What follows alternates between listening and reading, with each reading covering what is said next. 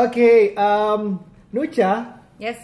kita udah sampai episode 2 suatu kemajuan luar biasa. Tahun kemarin kita cuma punya Ini satu, sekarang episode punya dua. episode 2 season 3 kan? season 3, season 3. Dari target kita berapa season? Enggak cuma satu season kita. Kalahin kan. apa tuh yang India-India itu? India. Iya. Oh, Udah deh, yang dengerin lo lebih banyak dari gue, gue tersinggung. Ih, gitu. Welcoming Ligrina Hananto tamu kita hari ini. Ha, udah ketebakan gue udah ngomong di Twitter gue dan di Twitternya Nucha juga bahwa hari ini kita akan ngomongin tentang sekitar apa ya? um, masa kehamilan dan persiapannya menuju kelahiran Aduh, dan punya nggak ya? anak. nah ini sebenarnya kelanjutan dari yang episode pertama Iya. kemarin kan tentang Ah. fertility. Mungkin kalau ada yang belum sempat dengerin, boleh dicek dulu yang sebelumnya. Ini kan nyambung nih ceritanya. Oh. Terima Episode 1, kasih episode 2. kepada 900-an pendengar kita. Asik. Sebagai orang yang ceritanya lo on radio dan tahu podcast, cie. Terima kasih banyak. Banyak ya, banyak dengerin ya. Alhamdulillah, mudah-mudahan tujuannya biar berguna. Biar, biar kalau mau punya anak mikirin kita. Oh, salah Oh ya? gitu ya. Prosesnya loh, yuk. Fertility. Oke, kan kalau uh, lanjutannya ceritanya adalah sudah hamil nih. Sudah hamil berarti uh, banyak yang harus dipersiapkan. Life changes starting from that time gitu. Udah garis dua. Udah semuanya udah berubah menjadi ada yang super hati-hati, Ada yang mual banget. ada yang mual banget muntah-muntah terus, ada yang sampai bed rest juga bisa. Ada yang udah lupa. Ada yang udah lupa. Oh, Soalnya udah lama jarak anak pertama ke anak ketiga jauh Iya. banget. Lo masih ingat masa-masa lo mendapatkan positif lagi yang ketiga sudah jarak segitu jauh? Eh, iya, jadi gue merasa nggak enak badan. Hah? Terus? Dan kok kayaknya gue nggak haid-haid ya. Dan kayaknya nggak haidnya udah dua bulan. Ya itu jaraknya berapa lama? Eh, ke- dari anak pertama jaraknya 10 tahun, dari anak kedua jaraknya 7 tahun. Oh wow, so udah lupa banget. Udah lupa banget ya. Jadi waktu eh, kayaknya aku hamil, yaudah kamu periksa aja sendiri nanti kabarin ya. Gitu kata lagi gua. terus santai terus bener gitu. Terus bener Dondi gimana Dondi? Gue telepon dia, Ah-ah. jadi dia lagi di airport mau boarding. Ah-ah. Ke mana ya waktu itu ke Sumatera dia pokoknya. "Eh, Beb, aku hamil. Ah, itu hormon kamu aja. Dia dia nggak percaya. Itu denial, itu denial. Tunggu ya aku boarding dulu. Nah dia boarding, terus kayak eh, deket kan sejam setengah kemudian dia telepon balik. Tadi kamu ngomong apa? Di pesawat dan bisa Gak tenang, gak tenang. Tenang tuh, rasanya turbulence mulu, rasanya turbulence mulu padahal enggak. Tapi ya, ya, jadi begitu tahu punya anak, mau itu anak pertama, anak kedua, anak ketiga, yang apa ya reaksi awal, kalau respon kan dipikirin, kalau reaksi itu kan gimana kita langsung eh, Iya. otomatis aja gitu ya. Reaksi pertama itu adalah, aduh apa yang harus kita kerjain? Yes. Gitu. Jadi saat kita terima pun kita masih senang-senang dulu sih ya karena kan Hmm. uh, ngejarnya susah terus masih oh senang-senang senang-senang rasanya mau party tapi nggak boleh kan jadinya Hmm. tapi kita merayakan gitu masih pengen cerita ke orang tua ke mertua semuanya diceritakan oh senang semua nangis-nangis Tapi aku tuh dari awal sebelum hamil aja udah punya pikiran loh. Kalau nanti gue hamil, gue punya anak harus punya stroller yang merek ini. Gitu. Oh, ya itu udah kepikiran sampai situ. Harus punya diaper bag yang ini. Kayak gitu-gitu loh. Pikiran nggak pentingnya. Nah, Mungkin ini- karena pikiran gue suka nggak penting ya. kamu langsung mau bawa ke situ berarti kita siap diomelin Wina ya, Gue nanya ya, jadi punya berapa stroller? ini ini ini gue juga bingung sih waktu itu dia minta stroller ini yang keren banget gitu gue ngeliatnya anak pertama ya ini uh, klarifikasi kita punya uh, Aira itu anak pertama sedangkan Wina di sini sudah punya tiga anak. Satu sudah umur berapa? Eh, umur 15 SMA kelas 1 dan yang terkecil Yang umur? terkecil kelas 1 SD umur 5 yes kalau masalah pengalaman yang ini udah Veteran gitu ke sana veteran. Yang ini baru masih happy happynya Tapi tapi gue ingat waktu anak pertama lahir, em, sebelum anak pertama lahir malahan, eh, hamil 7 bulan itu pergi ke Singapura. Mau lihat-lihat. Cie. Ya kan? Jadi kalau lu pikir lu lebay, tunggu tante lebih lebay. Gue ke Singapura lo gue inget banget gue naksir semua barang yang ada di Robinson. Terus gue baru sadar katanya kalau baru 7 bulan gak boleh Nggak boleh belanja. beli, iya. Jadi salah Ada gitu loh belanjanya. Jadi sesudah itu yang gue pikirin, aduh gue pengen ini, pengen ini, pengen ini, pengen ini gitu terus nggak jadi. Nggak jadi. Akhirnya sampai Jakarta begitu udah lahir eh, waktu itu adik ipar gue tinggal di Singapura jadi gue minta dikirimin box bayi jadi box bayinya Azra itu dikirim dari Singapura Tuh. Itu lebih wow banget ya kan kan? Heeh. Kalau kita mau lomba-lombaan, gue harus lebih. Oke. Gue kompetitif karena ternyata pendengarnya lebih banyak dari podcast gue. Nah ini ini ini mungkin untuk calon orang tua nih uh, salah satu yang menanyakan topik ini adalah um, teman kita di Limited Campus. Limitless Campus tuh ada pasangan. Pasangan ini yang mau punya anak September besok. Oh, Jadi apa sih yang harus dipersiapkan? Dia nanya dia kirim kirim message ke kita bahwa ngomongin tentang ini. Oh that's that's so good karena kita panggil Wina ke sini juga. Uh, bilang bahwa Wina nih kan seperti pendengar tahu pasti kenal dong Wina followers Twitternya berapa? Nggak, sekarang yang penting follower podcast. Oh ya. Berarti gue menang. Puas lo ya, puas. Jadi Wina ini financial planner. Jadi um, hal besar yang perlu diperhatikan dalam mau punya anak besides all, a lot of things adalah salah satunya yang makan kalau gue bilang ya lebih dari separohnya yang gue jadi kepikiran di kepala gue adalah financial planning. Yep. Mulai dari Nuca bilang uh, beli baby gear, Iya. stroller and the gang. And the gang. Itu emosional banget ya. itu banget. Kayak mikirnya gue susah dapet ini, gue harus punya yang ini, ini, ini, ini. Gitu. Gue kira beli tas baru itu emosional ternyata itu nggak ada apa-apanya dibandingin milih stroller. Wina kan punya pengalaman dari anak pertama.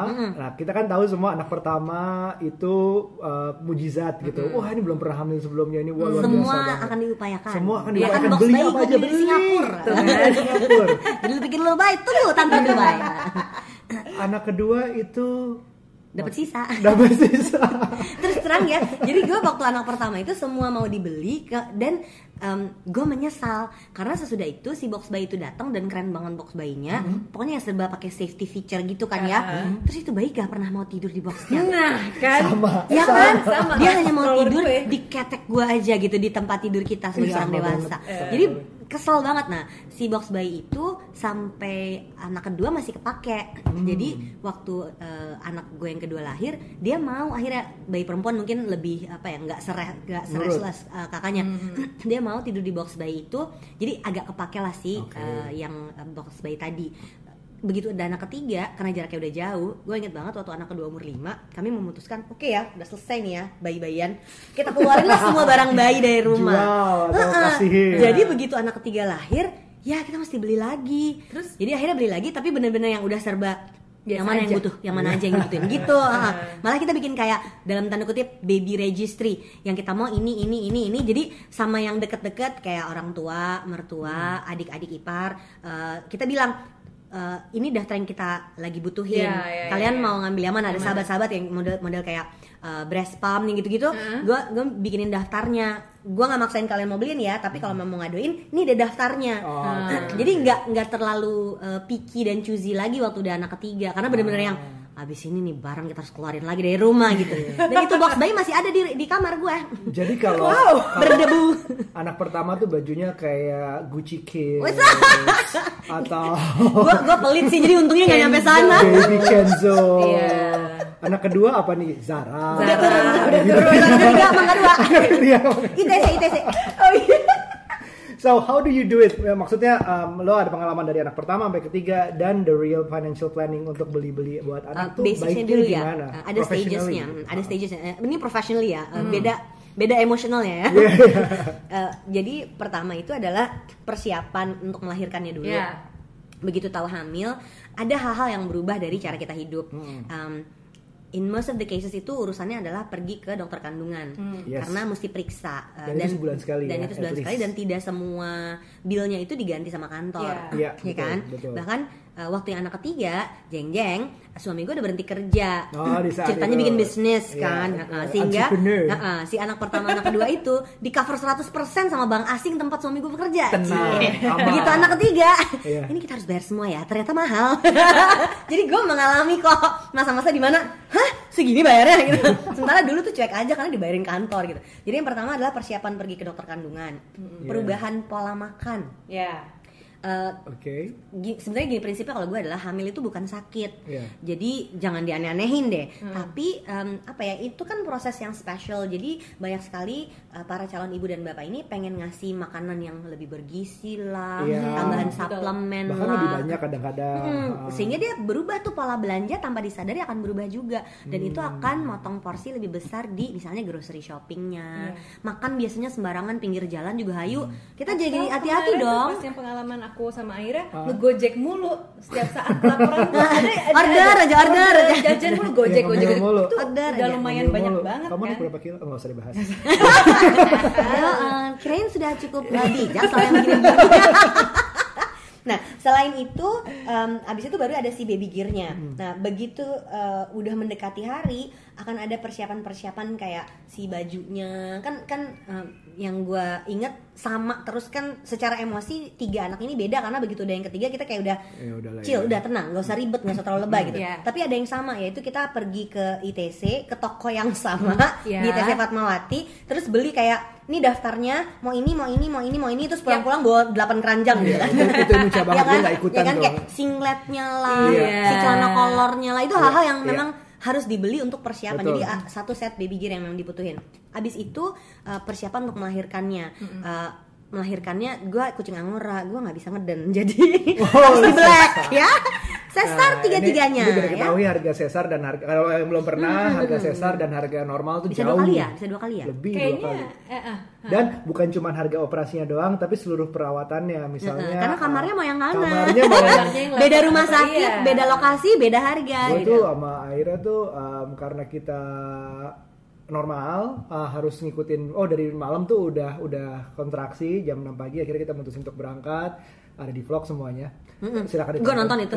Kamu luar biasa Nuca iya ya itu ada satu bagian di mana yang kamarnya penuh semua tinggal Oh, oh. VVIP VVIP bukan VIP ya bukan VVIP. VIP. Padahal udah bahas nih, menteri ah, udah deh, kita yang ya, VIP gitu. aja lah, Ah, yang ah, VIP nya juga VIP yang biasa soalnya Iya. VIP nya ada beberapa level tuh bahkan sakit aja udah niat udah nggak udah nggak apa-apa VIP atau Ah, kelas A ah, gitu ah, ah, eh nggak taunya bener-bener bayi mahal. Terus eh, tapi kan gampang. Oh udah udah sakit-sakitan udah bayi pertama. Nggak apa-apa. Nggak apa-apa. tapi ya itu harus dipersiapkan Nah, ya. kalau di kami isunya adalah eh, harus bayar sendiri. Karena kalau waktu Oh, bayi tiga-tiganya? Eh, eh, tiga-tiganya sesar. Waktu anak pertama anak kedua kan 100% diganti kantor teh ya. Jadi Iya, iya, nggak ada iya. masalah. Iya. mau sesar kayak mau apa hajar gitu tapi ya. karena bayar sendiri lo nggak rela ngeden gitu? Nggak bisa.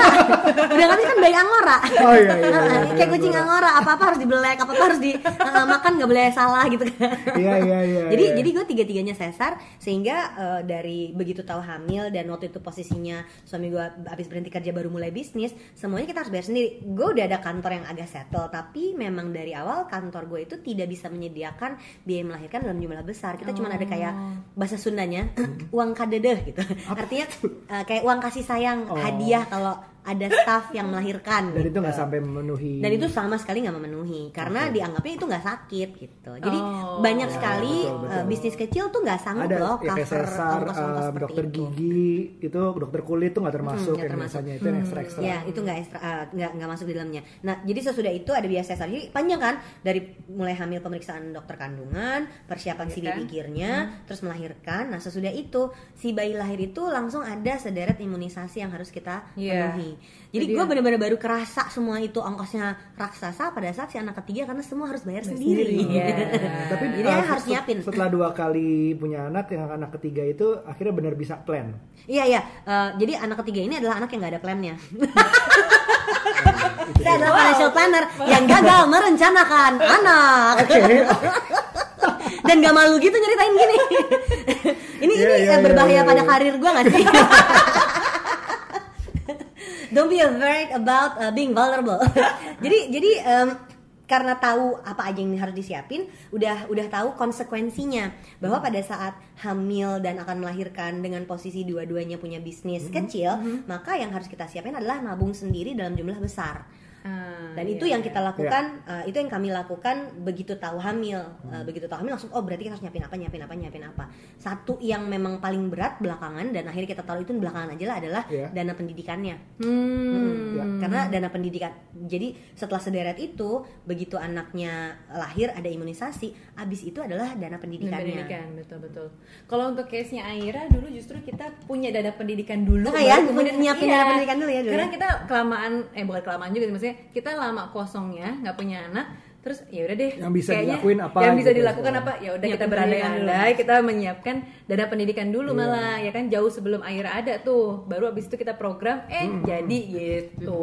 Jadi dibagi tiga stage. Sebelum uh, melahirkan, pada saat sudah melahirkan itu periodenya bisa sekitar 1 sampai 3 bulan. Mhm.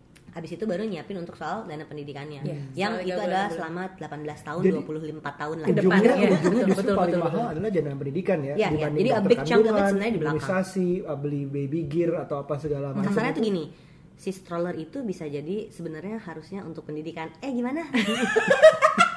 Eh gimana? Kita bisa bayar? Eh, iya sih. Iya kan? Itu bisa jadi uang pangkal Itu loh. mahal loh strollernya loh. Atau tuition 6 bulan. Atau les lah seumur hidup gitu. Nggak bab, kita positive thinking. Mungkin anak kita akan dua, makanya stroller sekarang dua. Gitu ya. ya kan, nggak apa-apa. Aku tuh itu pertanda, itu pertanda. Pertanda. Amin, amin, gitu, amin. Ada satu hal yang um, yang gue senang Nuca lakuin yang yang bu- untuk kita bisa menghemat. Ya anggap aja kita spend uh, 100 kita menghemat satu gini. Iya. ya. yang Nuca yang Nuca lakuin adalah um, pinjam meminjam. Uh, baby gear semacam si Hmm. Ya, betul. stroller apa aja kamu Eh, stroller oh, car seat Aku tuh yang sewa, yang akhirnya aku banyak sewa adalah sebenarnya eh, baby gear kayak ini apa Bob? Kok aku lupa sih? Eh, box justru box Baby tuh box, kan, ah, ah, ah, itu minjem justru dari kakak Iya. sebenarnya. Nah, Terus karena sekarang banyak penyewaan penyewaan, lihat deh di Instagram dan lain-lain tuh banyak banget penyewaan. ya, sebut aja lah Oh boleh ya, oke. Aku biasanya eh, minjemnya di Babylonia, terus di Giggle.id, kemudian Baby Basa Toys itu banyak banget yang sudah menyediakan eh, apa box bayi, stroller, terus udah gitu apa bab kalau buat ini earmuff untuk yang Iya, emang traveling. traveling terbang. Eh, Walaupun wow. akhirnya dia nggak pakai, uh, pakai sih sebentar, iya, tapi sebentar. nggak setiap terbang. Tapi lumayan daripada beli itu mahal soalnya. Dan kepakainya sebentar-sebentar Yes. aja, Iya, sekali-sekali sebentar aja. aja yang nggak terlalu penting gitu. Paling Itu gue kerasa. perlu update juga informasi kayak gitu, Iya. kan gue agak ketinggalan Nah, kan. sebagai veteran. Siapa tahu keempat gitu ya. Oh. Kemudian ya yang car seat juga gitu ya, high chair. Nah, Nah, high chair. dari sekian banyak sebenarnya yang udah gue beli buat Aira itu ada sih yang kayak wah best buy banget nih yang yang paling gue nggak seselin dari sekian banyak. Anggaplah dari 100 barang yang gue beli buat Aira ada satu yang gue nggak seselin. Yaitu termometer digital Ah, ya ya. karena ya. penting Selalu banget pakai. ya. aduh anak bayi anak bayi itu ya kalau Bahkan misalnya yang punya yang manual juga, yang analog dan Iya, digital. tapi digital tuh kan lebih mahal, Lebih kan mahal. ratusan ribu. Yang tadinya ngapain sih beli kayak gitu? Udah Nah, itu kepake terus aja. sampai udah gede loh. yang cetek Iya, cetek cetek. uh, uh, tadinya kan Digital tuh kepake terus sampai udah gede, sampai Nah, udah SMA juga masih kalau pakai digital tuh. kepakainya karena ternyata panas anak tuh cepet naiknya ya. Kalau ketek itu kan kayak tekstan tuh nggak sabar dong. nggak Iya. sabar banget. Dan anak nggak bisa diem kalau masih bayi gitu nah segala iya macam. keteknya nggak bisa diem gitu. Dan itu menurut gue best buy banget karena anak kecil cepet sakit itu Iya, buat penyakit juga makin banyak sekarang. Dan itu juga biaya tak terduga jadinya mahal. Em, tentang balik di minjam meminjam, em, yang paling berguna juga menurut aku paling hemat adalah mainan. Karena mainan harganya jutaan sekarang itu bayi itu cepat banget bosen. Iya mainan cuma jadi pajangan, menuhin rumah, akhirnya pinjem aja. Iya. Atau ada satu tips lagi adalah jadilah orang yang pelit emang nggak pernah beli. Oh nggak gitu ya? Oh iya, ada temen kita yang nggak pernah beli mainan anaknya, tapi bikin terus. Oh ah gitu. iya Tapi betul keren betul, banget betul. jadinya. Keren Oh, banget. bikin mainan. Pinot. Bikin main. Ah oke. Wah of itu kreatif. Nggak nyerah sama dia sih. Nyerah. Bikin mainan dari dia. koran, dari kardus segala Iya, macam. anaknya gambar, Hebat diem gitu banget. ya. Itu juga Iya, bisa, iya, itu juga iya. bisa cara hemat. Gue nggak tahu ada pinot kreatif atau hemat sih, atau pelit. Eh, kalau gue jadi akhirnya memang setiap anak yang ulang tahun eh, keluarga besar diizinkan untuk ngadoin. Nah. Jadi mainan itu terasa banyak, tapi sebenarnya kita jarang sekali beli mainan. Iya, Jadi betul, dari betul, tahun betul, ke tahun betul. nambah itu Iya. sebenarnya hadiah. Eh, ada beberapa ibu yang pernah nyaranin gini, kalau dia ulang tahun mumpung masih kecil belum ngerti kan, jangan semua boleh dibuka. Iya. Dia cuma Ah, boleh buka tiga, sisanya sembunyiin. Iya, Jadi iya. nanti bulan depan dia boleh buka baru. Tapi boleh kalau ibunya kayak gue kayak nggak sabaran deh. Ayo kita buka semuanya. Iya, aku pun gitu, aku pun gitu. Tapi semangat orang Iya, aku pun tuanya. gitu. Jadi justru kan momen membuka kado itu seru banget. banget. Ada Unboxing. 28 kado hore gitu. Hore. Tapi Masa cuma satu dibuka, Nah, tapi pas kan, diceritain kayak seru. kayak gitu, eh ini menarik juga ide. Jadi gue harus disclaimer itu bukan ide gue. itu seorang teman menceritakan gitu dan menurut gue, ah iya, itu lucu banget. Jadi cuman tiga misalnya. Nanti bulan depan buka lagi lima. Jadi seolah-olah dia punya mainan baru terus gitu. Iya sih benar. Tentang minjam meminjam juga kita bisa meminjamkan di Iya. platform Ah, lu itu. pernah nyobain? Udah, udah, udah, Jadi memang banyak-banyak barang kan dari tadi gue bilang kan dari 100 barang yang gue beli buat Aira satu yang berguna 99 nggak terlalu berguna kan. Ya udah gue sewa-sewain lah itu sekarang. Terus menurut gue penting eh, menurunkan gengsi soal itu. eh, sekarang udah ada kayak minjam-minjam gitu. Apa ya? Satu lagi kata dalam bahasa Sunda, lungsuran. Lungsuran, Ya, benar. ngasih-ngasihin eh, pinjem-pinjemin ke saudara-saudara dekat gitu. Itu nggak usah gengsi untuk kayak gitu kan suka ada yang Iya. "Ih, nggak mau Iya, nanti iya, Bekas ini, bekas bekas kakak, itu, bekas gitu. adek gitu. Ah. Justru di antara sepupu pun kita eh, punya bayi. Eh, gue masih ada karsit loh. Jadi ada satu karsitnya Mas Azra, Ah. Mas Azra yang sekarang udah kelas eh, 1 SMA. Itu sekarang keponakan gue yang umur 2 tahun masih pakai. Oh wow, lama Masih pakai ya. lama banget. lama banget 10 eh, tahun lebih ya? bukan bukan car seatnya em, kayak apa sih Booster. booster Boosternya. seatnya Iya, iya, iya. kalau car seatnya mah udah udah nggak tahu ke mana tapi Iya, si iya. boosternya tuh masih kepake pada saat si anak itu sudah siap pisah dari car seat Yes. untuk duduk sendiri di mobil Ya, akhirnya Dan itu. itu ternyata Iya, berguna iya, sekali Iya, gitu iya, iya, iya. Iya bener sih. Tapi juga dari sekian banyak yang Kita yang- apa aja? Car yang- seat yang kita sewain. Uh, uh, kita car seat, bouncer, Dona bouncer, lift, Dona lift. uh, terus high chair. Nah mungkin juga yang buat ibu-ibu baru apa namanya mau melahirkan itu sebaiknya dipikir-pikir lagi ya karena gue menyesali yang gue barang yang gue sesalin beli adalah uh, stroller itu. Jadi sampai ada dua kan. Ah, ah. tapi yang dipakai cuma satu itu aja gue tuh dan so yang- ngetawain lu padahal gue punya dua juga. Ya, nggak berguna. Iya, gitu deh. lu yakin? Undang narasumber yang bener hari ini nggak gue punya dua eh, dua stroller Dua, iya. satu tuh stroller yang agak gede dan sturdy Ya, mm-mm. Jangan mereknya yang memang nih. waktu dia bayi dipakai eh, terus begitu dia udah agak besar bisa lebih tegak dan itu kita bergunanya lama karena kita seneng lari jadi kalau car free day itu dia didorong pakai stroller Oh, besar. besar. Iya. jadi ajak gitu karena kalau Iya, pakai stroller yang kecil, Kecil. terguling kalau dibawa lari Itu dia. nah stroller yang satu lagi itu benar-benar yang udah pernah ikut terbang ke ke mana-mana Ah, ah. karena dia untuk Ringan. traveling ringan Oh, ya udah, kayak aku- payung aku gitu nggak jadi nyesel lah, aku ya dua. Ini pembenaran nanti antara Iya, iya, iya. para ibu bersatu Ya gini untuk para suami pasti ada pembenaran dari istri beli apa Udah, aja nurut juga aja pasti lah. ada nurut aja. Sama ini loh high chair tuh sebenarnya gue agak, agak nyesel sih karena ternyata Aira bukan tipe yang betah di, di high Di chair, high chair. dia lebih seneng eh, lesehan ternyata duduk aja gitu Eh menurut gue perlu ada kayak eh, trik eh, dan menurut gue pendengar lo yang harus ngasih idenya nih ke kalian. Barang-barang yang udah lama itu dikasih umur berapa lama sebelum kemudian harus dikeluarkan dari rumah. iya itu juga sih Karena gue ada tuh barang-barang Demi kan udah kelas 1 SD nih sekarang nih anak gue. Kita mau ngeluarin barang-barang ini kapan gitu? Mau ngasihnya ke mana? Sayang kan ada beberapa barang tuh bagus banget. lebih sayangnya karena apa coba Karena, memori, ya? Heeh, emosional. heeh. karena emosional. Kalau yang masih bagus-bagus banget ya. Kalau yang udah butuh sih kita juga ya udah Iya, heeh. iya, iya, bener-bener. Menarik juga ya, menarik juga ya. Dijual, Dijual bisa, dipinjemin aja, dipinjemin. dipinjemin. Nah, Iya, Biar itu iya, bener. iya, iya, iya, sewa-sewain aja itu bisa. sewa-sewain. Dari gue. Em, kalau dana pendidikan tadi kan Hmm. uh, direncanain zaman sekarang kan ya well, Wina paling tahu harga sekolah sekarang. Tahu kenaikannya Variasinya banyak per sekali. tahun kira-kira berapa. Sebelum kita ke situ kita tanya dulu ada beberapa orang yang memulai sekolah tuh kapan baiknya. Ya, ya, ya. Ah, ah, kalau Aira udah mulai sejak Empat bulan. empat bulan ibunya ambisius bapaknya nurut aja eh enggak bukan nurut aja bapaknya nggak punya kuasa Bapak, udahlah, udahlah bapak, udahlah bapak. Eh, ah, Iya, tapi Aira bukan dari bukan bulan ya. berarti itu yang terbaik buat semua orang jadi tentu tergantung anaknya juga ada yang um, percaya bahwa belum butuh sekolah misalnya di rumah itu ada neneknya ada yang bisa ngajarin Ya. ada yang bisa ngajak main terus Atau ibunya memang nggak bekerja gitu misalnya atau ibu full yang time. kerja atau kendalanya adalah memang sekolah bisa jadi uh, belum siap dananya nanti ada waktunya Iya. itu TK Zaman sekarang kayaknya sekolah tuh bisa early banget soalnya very Kalau early. kalau bikin dana pendidikan buat klien begitu datang ketemu, gue tuh selalu nanyain bikinnya itu kita selalu pakai istilahnya worst case scenario, bukan best case deh, jangan worst case ya, best case scenario. Iya. Idealnya mau kayak apa? Urusan akhirnya nanti dilaksanakan atau enggak, urusan belakangan. Tapi yang penting kita nyiapin dulu. Makanya pertanyaannya selalu biasanya standarnya kalau di kantor kita bikin uang sekolah itu dari dia umur 6 bulan. ya Oke. Nah, jadi kayak taman bermain Taman yang bermain. yang cuma dua jam Ya. seminggu gitu kan. Ya, Nah, itu biasanya dari enam bulan. Uh, terus nanti masuk playgroupnya tiga tahun. Ya. Terus dia TK 4 tahun, terus enam tahun dia dianggap udah masuk SD. Uh, masukinnya pun dari SD sampai uh, kuliah itu tidak pakai uang sekolah negeri, pakainya uang sekolah swasta.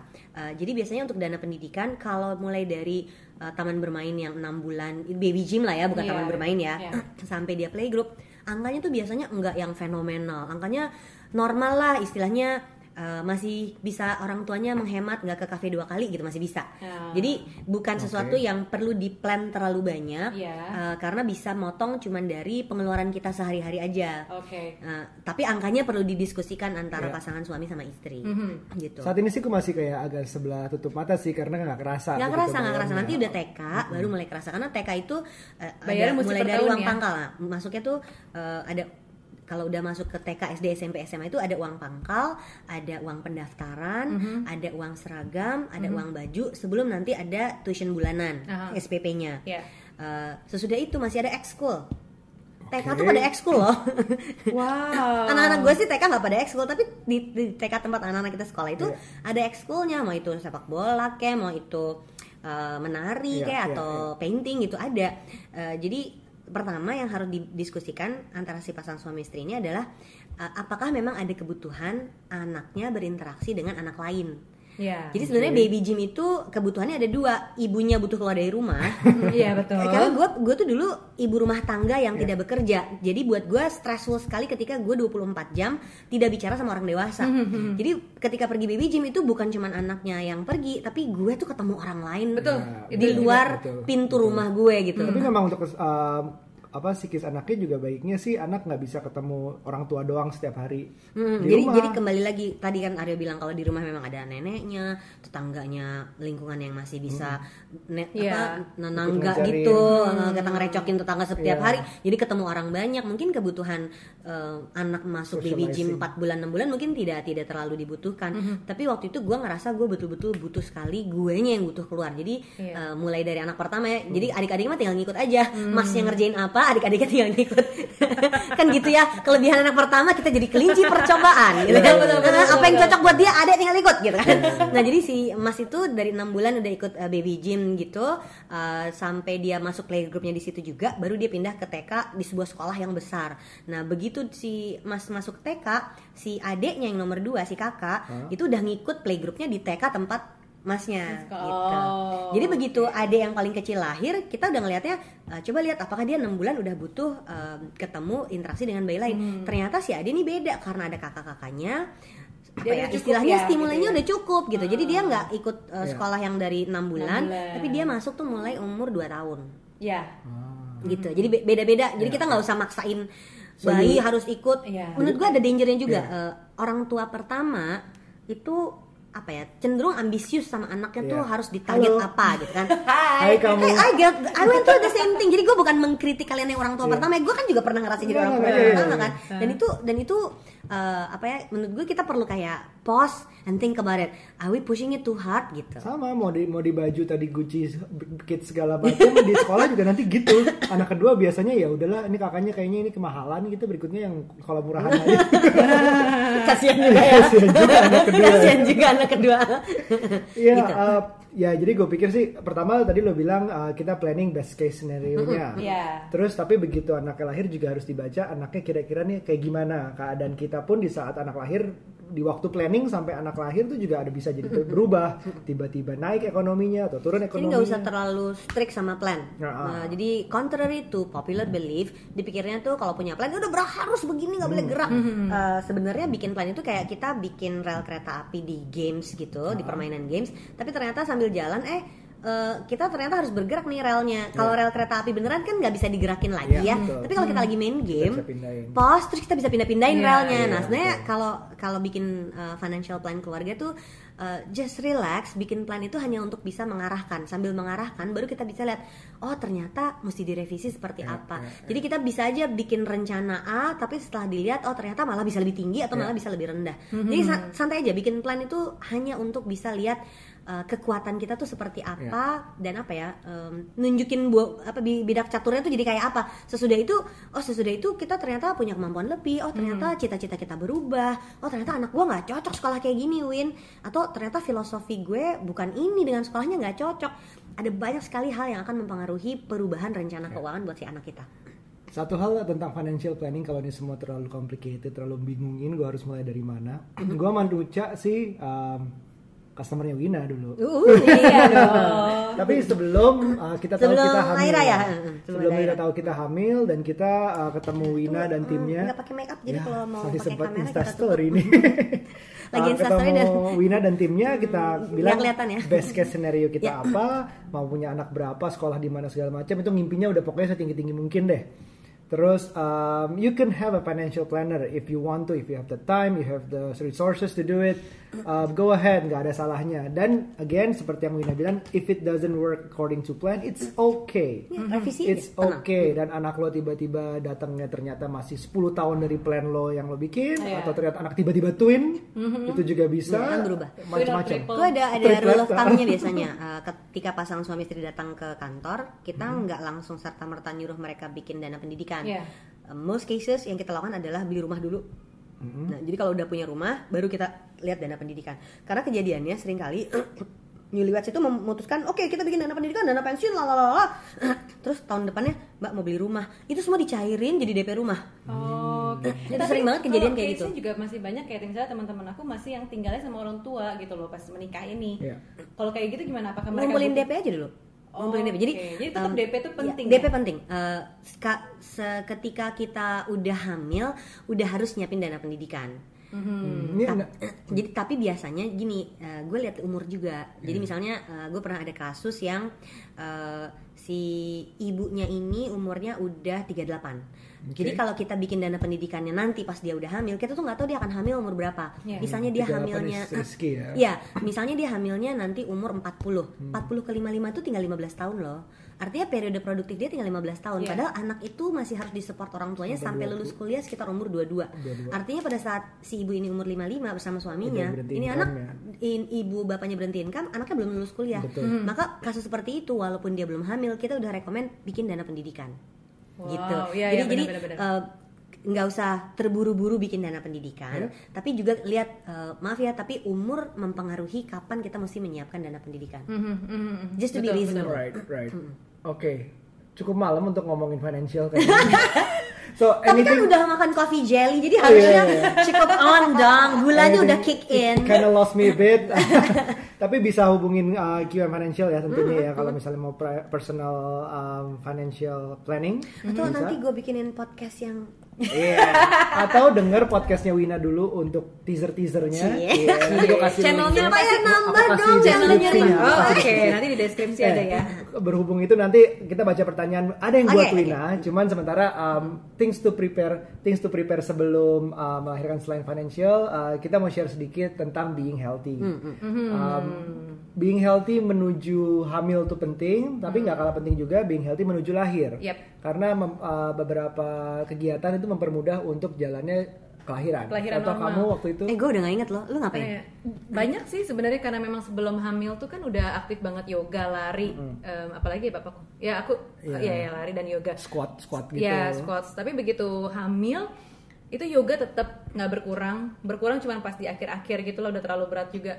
Terus em, lari sih udah enggak. Iya, ya karena- jalan cepat, iya jalan cepat, jalan Karena high impact nggak boleh High impact memang. Ah, harus terus dikurangi. di akhir-akhir itu pas melahirkan karena yoga dan lari udah nggak cukup terlalu inilah nggak intens lagi eh, berenang. Ah, Berenang tuh iya, iya. lumayan sering. Jadi Ah, banyakin yang low karena lebih impact. lebih enteng di badan gitu kan badan kita mok banget gitu kan. Terus berenang tuh adalah yang paling Iya. ringan lah paling enak. Dan eh, terakhir lagi itu sebenarnya di minggu-minggu terakhir mau melahirkan squats itu Iya. disarankan pas bangun tidur terus sama mau tidur malam itu squats paling enggak 15-20 kali berat sih berat banget dengkul sampai sakit tapi memang Iya. Untuk ya, yang baru hamil. Jadi fit. Ha, Iya. jadi lebih fit sih Dan kalau lihat di vlognya hamil. emang benar-benar melahirkannya fit banget sih. tapi nggak tahu anak kedua ntar gimana lo yang dengerin lo harus nonton vlognya Nica melahirkan. Gue nggak tahu rasanya sakit mules melahirkan karena gue cing aura. Terus jadi pengen kan itu nggak sakit kok. Oh enggak enggak enggak pengen. Gue nggak pengen melahirkan lagi ya udah cukup.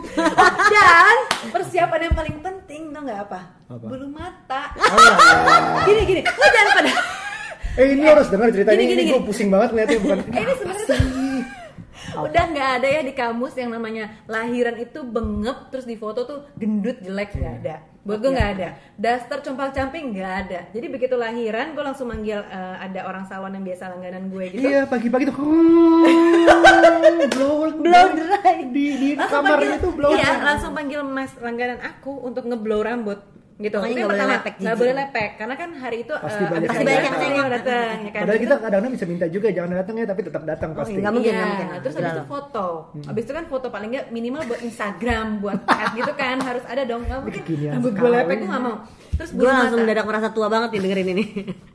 Terus bulu mata.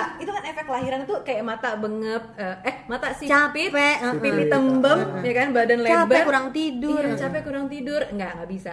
Waktu itu sih masih belum pakai extension bulu mata gini nih, tapi eh, pakai yang tempel-tempel gitu aja, udah disiapin, udah. oke. Terus Nice. kalau sekarang sih ya udah, aku siap melahirkan lagi sebenarnya udah pakai.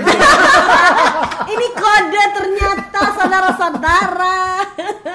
Selain itu kimono kimono apa dasteran gitu kan paling enak eh, habis melahirkan pakai kimono gitu kan. Aku udah bikin sebulan dua bulan sebelumnya dan itu bikin Oh, dia siap dengan kimono iya melahirkan. karena Untung kamarnya private ya kalau sharing sama beberapa. PR banget. Ini yang sebelah, aduh. PR. Kenapa dia bentuknya gini? Aku nggak gitu gitu. Tambah pressure buat suami orang lain. Papa itu sebelah tuh panggil tukang salon. dan ternyata bener emang nggak menyesali kan begitu Jadi foto-fotonya Foto-foto cantik. Cantik. Oh wow, luar biasa. Luar biasa. Gue pakai kacamata hitam lagi deh. Hari ini gue males dandan soalnya. Atau lagi um, pemilihan nama tuh juga lucu terjadi di kita. Oh, lucu, lucu. Ah, Iya. How did you get yours? Eh, jadi anak pertama itu ada titipan nama dari eh, keluarga bokap gue. Ada Anak titip- pertama anak sih ya. pertama. Anak Dia pertama. adalah anak laki-laki, eh, cucu laki-laki dari anak laki-laki pertama. Oh. Jadi bayangin beban hidup kami. Eh, ada titipan nama Calon dari keluarga kerajaan. besar, ada titipan nama dari bokap gue. Waduh. Dan kata itu dari mimpi. Sementara kita juga pengen kan mau nggak mau harus kasih kan. Eh, sementara eh, namanya kita kita pengen ngasih nama sendiri. Yang menarik adalah semua persiapan nama untuk si anak pertama ini adalah anak perempuan namanya. Oh, Padahal emang kenapa hasil hasil laki-laki. 3D 4D Eh, zaman itu oh belum ada Oh. Zaman itu belum ada Nuca 15 tahun yang lalu nggak ada Kamu tuh beginian. Jadi kalau kita mau kalau kita mau USG aja antri. Oh, oh, lo bayangin betapa sedihnya. Jadi akhirnya begitu begitu lahir kita yang panik nggak punya nama nggak punya nama buat anak ini udah kasih nama aja asalnya plus apa Azra. Padahal itu sebenarnya nama perempuan. Ya udahlah belokin kan ada Azruma Azumardi Azra di TV tuh lah. Profesor tuh lagi sering banget nongol masa itu. lagi? Jadi Maaf itu ya. profesor tahu kok di IAIN itu nah. zaman yang di UN 4D di UN. zaman yang nggak ada 4D. Nah, jadi nama anak gue tuh Muhammad Azra Ishak Hananto. Cie. Iya. Begitu anak kedua, siapa yang namanya? Udahlah gabungin nama kita aja. Wina Yeah. Dodi Azra. Kayak anak SMP pacaran nih. Jadi namanya Wina Dondi Azra Nadira gitu.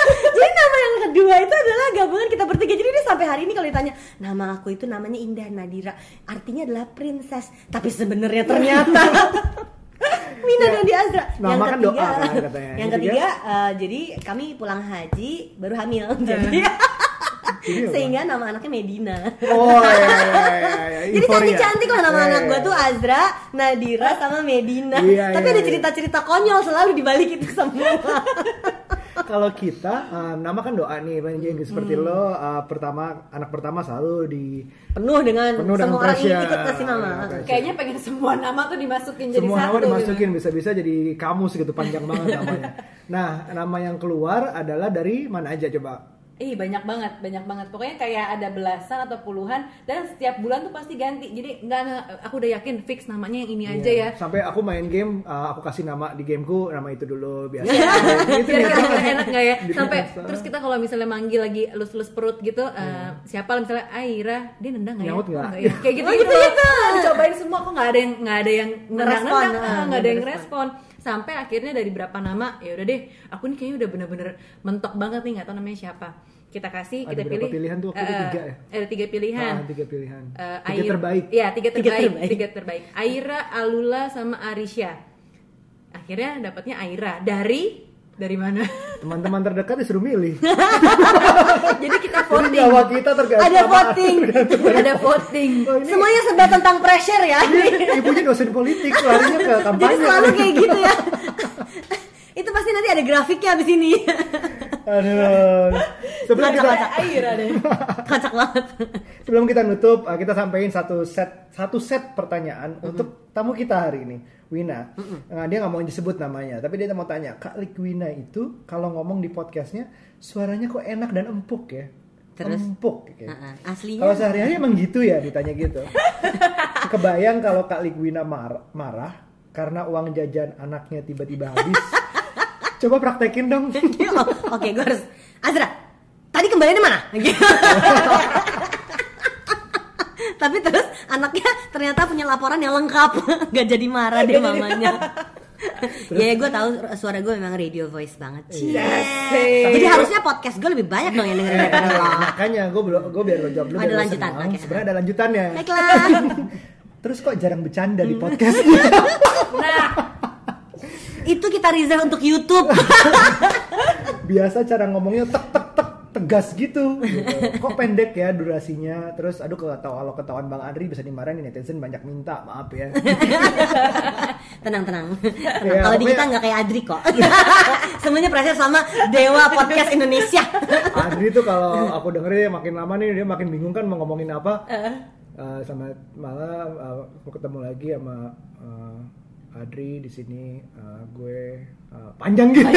Dipanjang-panjangin, manjangin durasi tuh ternyata. Durasi. Manjangin ini, ini biasanya episode kedua masih panas banget nih. Iya, iya, nggak ada iya, kosong-kosongnya. Adri udah eh, Udah sampai bingung. lihat R-nya banyak banget. Oh jadi emang perlu dipanjangin ya podcastnya? Cie, mulai panas Satu- kayaknya. ada satu masukan. Iya itu eh, satu pertanyaan buat Wina. Sisanya banyak banget dia ngirim pertanyaan tapi sebenarnya agak out of topic gitu. Jadi contohnya em, nanti aja ya kita bahas di Iya, iya, iya, anyway uh, to conclude uh, satu hal yang gua manusia pengen sampaikan tuh sebenarnya dalam masa kehamilan itu penting to be happy. Yep. happy di Selain happy setiap uh, orang itu pasti beda subjektif relatif masing-masing. Ada yang happynya itu bisa jalan-jalan ada yang happynya itu bisa punya banyak duit ada yang happynya berhenti kerja. Bisa makan. Ada yang happynya makan, makan, ada yang ya. happynya malah kerja terus bah- bahkan di saat hamil macam-macam tapi itu sangat penting pengaruh psikis ibunya dalam keadaan happy ke, Ke- anaknya Kalau aku apa? apa, Bob? Kalau kamu ke traveling, Aha. salah satunya yang aku inget banget, oh ya Apa? untuk traveling tuh ada tiga tiga bagian ya. Uh, bayi itu kayak ke- sorry kehamilan tuh ada trimester. Ah. Satu tiga tuh disarankan untuk mengurangi traveling yang terbang. Ya, yang Tapi kedua. dua itu juara banget. Jadi gua ada undangan waktu itu ke Bulan keempat Oh, iya, kan. gue. Amerika. Nah, oh, gua gue sedangkan gue gratis, yes yes gratis. Tiketnya wow bisnis class terus ada yang mau ikut. ada Dan yang kalau lagi hamil nggak bisa ditolak ya. Itu kan ngidam. Iya, gue rencananya terbang ke Amerika, tiket gratis. Jadi ada yang mau ikut, gue jadi bayar bisnis. Oh my god. Dan nggak bisa say no ya Nggak bisa say kepada no. calon ibu Uh-uh. dari anakmu. Gue mau ngasih so, gue mau ngasih so nasihat begini sebenarnya bakal nyesel sih yang denger. Gitu. Nah itu Terus traveling. gue nggak dukung gitu, gue nggak bantu. Makanya lu penuhin aja udah, heeh, gitu. Uh, traveling dan uh, dia juga suka dengar konser. Ya, jadi selama hamil Aira tuh aku sampai empat kali nonton konser deh. Uh, Raisa waktu Dari itu. Raisa, Glenn Fredly, em, gongnya sih Oh, Katy lucu Perry. banget. Jadi selama hamil maunya Bukan, nonton ada- konser. Iya, sama Taylor Taylor Swift. Swift. Iya, yang paling Ah. gong sih itu. Ya, terus Ini hamil tahun berapa? Mau hamil lagi ya? Taylor Swift seumur Azra kan. Makasih loh, makasih loh. Iya, jadi um, pokoknya eh, whatever the form is of the form of happiness, it matters gitu. Jadi gimana? Jangan sampai terlalu banyak stres. Stresnya itu juga karena apa harus dicari yang happy happy aja. Cari happiness sendiri, cari ketenangan sendiri. Itu kita sih. Gitu. Wina ada masukan buat financial planningnya atau persiapan? Ah, berarti itu nambah budget sih pasti. Iya, iya, Tadi belum kita sebutin tuh. Iya kan? Belum. Tadi kan Iya. kita cuma ngomonginnya cuman uh, periksa dokter, imunisasi bayi gitu. Kita belum bahas soal ya. perubahan gaya hidup karena ibu banyak permintaan. Gue mau orangnya sederhana, nggak minta-minta nonton konser, enggak. Gue mintanya nasi ini nasi kuning gitu. Oh, jadi sebenarnya satu doang bikin istri happy, tapi ada satu A, B, C. Di bawahnya itu cara bikin dia happy. Aduh, ya gitulah. So take it easy guys, karena beda-beda setiap orang. Jadi um, that's it from us. Um, thank you so much for listening. Thank you Teh Wina. Sama-sama. Jangan lupa dengerin podcastnya Wina, channelnya nanti gue subs. Eh, gua Come on guys, gue harus lebih banyak yang dengerin daripada Aryo guys. Iya, Please, target guys, target daripada kita lebih banyak daripada. Adri. Ambisius, mari kita kalahkan Adri semuanya. Nah, sebelum Adri ngambil marketnya parenting. Ayo cepetan banget, cepetan, cepetan. Kalau gitu cepetan. Thank you, be nice, bye. Bye. Thank you.